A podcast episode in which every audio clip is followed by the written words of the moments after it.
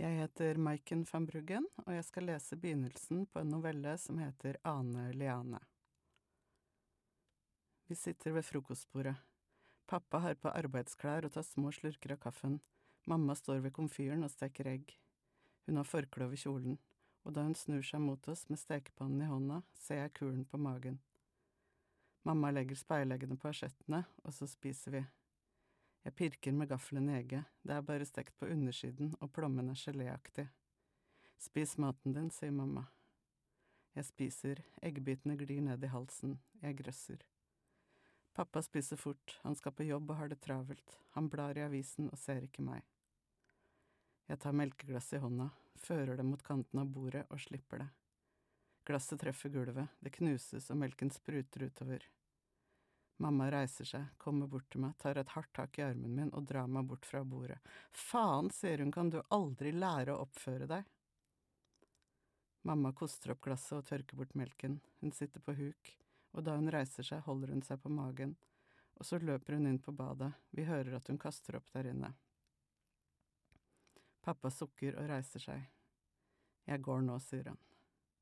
Jeg rydder av bordet mens mamma er på badet, jeg vil at hun skal synes at jeg er flink, og setter asjettene og glassene og kaffekoppene på benken. Bestikket samler jeg sammen og legger ved siden av, og smøret og osten setter jeg i kjøleskapet. Mamma kommer ut fra badet, hun er tung i kroppen og setter seg på en stol, i ansiktet har hun tårestriper. Jeg går bort til henne, legger en hånd på den store magen. Gå ut og lek, sier hun. Jeg går ut i hagen.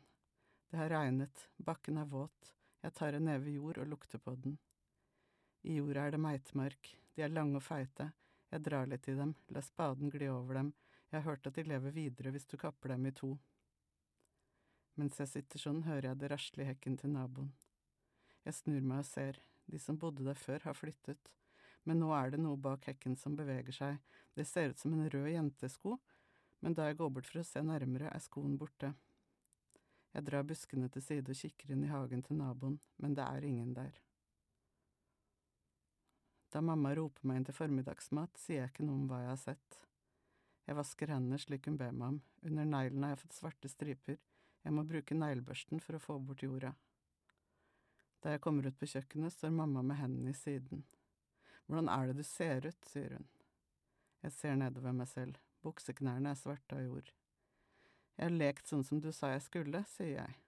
Ikke vær frekk i munnen, sier hun. Vi spiser ostesmørbrød, det er det beste jeg vet, men nå har jeg ikke lyst på. Har det flyttet inn noen nye naboer, spør jeg. Ikke som jeg vet, hvordan det, jeg bare lurte. Mamma leser i et dameblad, jeg spiser opp halve smørbrødet mitt og lar resten stå, hun ser ikke opp da jeg går ut igjen. Jeg går langs sekken, den er grønn og full av blader, men for hvert skritt jeg tar, lager jeg et hull i bladverket med hendene og kikker inn. Jeg ser ingen. Jeg leker alene inne i skjulet. Vi har syklene våre der og hageredskaper, men det er plass til å leke også. Jeg lager en butikk og stiller ut ting for salg, jeg selger blader og kvister som er mat, og bøtta og spaden selger jeg også. Men det kommer ingen for å kjøpe.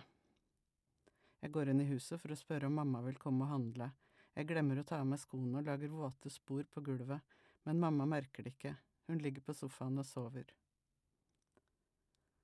Jeg går til skråningen bak huset. Den er bratt og full av spisse steiner, jeg står på toppen og ser nedover.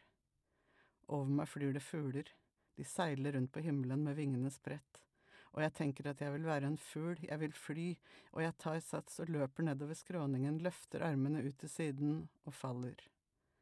Jeg lander på en stor stein og slår meg i pannen. Da jeg tar på såret, får jeg blod på fingrene, og jeg har slått kneet også, det er så vidt jeg klarer å reise meg, og jeg halter oppover skråningen, holder på å falle igjen, men kommer meg opp på toppen. Jeg går inn til mamma, hun har våknet og sitter ved kjøkkenbordet og lakker neglene. Au, sier jeg. Mamma ser på meg. Hva har du gjort nå, sier hun. Jeg falt, sier jeg. Du er så vilter, du må roe deg ned, snart begynner du på skolen. Jeg vil ikke begynne på skolen. Det er ikke noe å diskutere, det blir bra for oss alle. Men jeg kjenner ingen på skolen. Sett deg her, sier mamma og drar ut stolen ved siden av seg. Så går hun på badet og henter førstehjelpsskrinet. Hun tar pyrisept på en bomullsdott og ber meg lukke øynene, og jeg gjør som hun sier. Hun legger bomullsdotten til såret og begynner å vaske, og det svir, men på en måte er det godt også at mamma pusler med meg.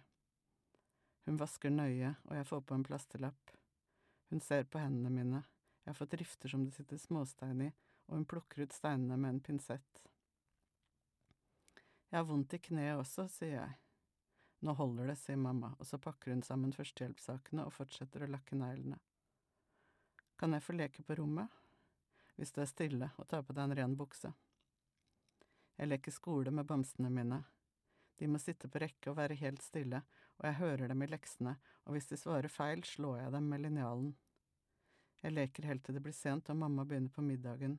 Jeg har døra på gløtt og hører henne skramle med kasserollene. Pappa kommer hjem, han er sliten etter jobben, det er han alltid. Jeg hører han stønne, og så tar han av seg jakka og skoene, det vet jeg selv om jeg ikke ser det. Jeg gjemmer meg bak døra og åpner den mer så jeg hører hva de sier. For en dag, sier pappa, jeg har vært på byggeplassen helt til nå. Du er i hvert fall ikke hjemme, sier mamma. Hvordan går det her? Jeg er trøtt og kvalm hele tida, og annen er helt umulig. Hun begynner snart på skolen. Er det alt du har å si? og så hører jeg lyden av en tallerken som går i gulvet, og en til og enda en. Mamma hyler, og jeg forter meg ut på kjøkkenet for å få dem til å slutte. Pappa har tatt grep om mammas hender. Slutt å krangle, sier jeg, stemmen min skjelver. Gå inn på rommet, sier mamma.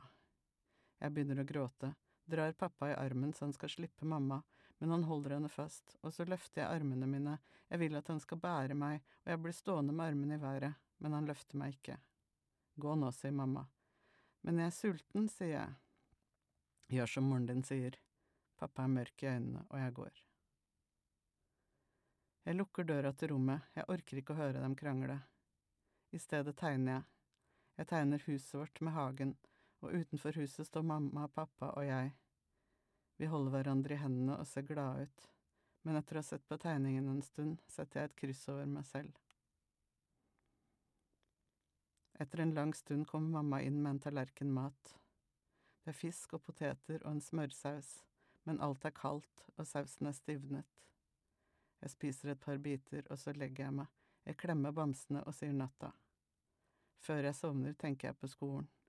Jeg må gå dit helt alene, jeg har ikke noen venninne, for de andre barna på lekeplassen sier at jeg er rar og ler av meg. Neste dag er det rart ved frokostbordet. Det er ingen som sier noe, det er akkurat som om jeg sitter alene og spiser, og jeg får i meg brødskivene fort og går ut. Duggen ligger på gresset ennå, og jeg lukter på blomstene som har åpnet seg i blomsterbedet. Blomstene har pene farger, og jeg har lyst til å plukke dem, men mamma har sagt at jeg ikke får røre det som står i bedene. Jeg går langs hekken, så hører jeg det. Det er noen som plystrer. Jeg stopper, lytter, det rasler i hekken, og så står hun der jenta med de røde skoene. Vi blir stående og se på hverandre, og så smiler vi. Hva heter du, sier jeg. Miranda, svarer hun. Det er det fineste navnet jeg vet om. Jeg ser på henne, hun har olabukser sånn som meg, og en T-skjorte med bilde av en bamse. I håret har hun en rød sløyfe. Skal jeg lære deg en klappelek, spør hun, den heter Ane Liane. Jeg heter Ane. Da passer den ekstra bra.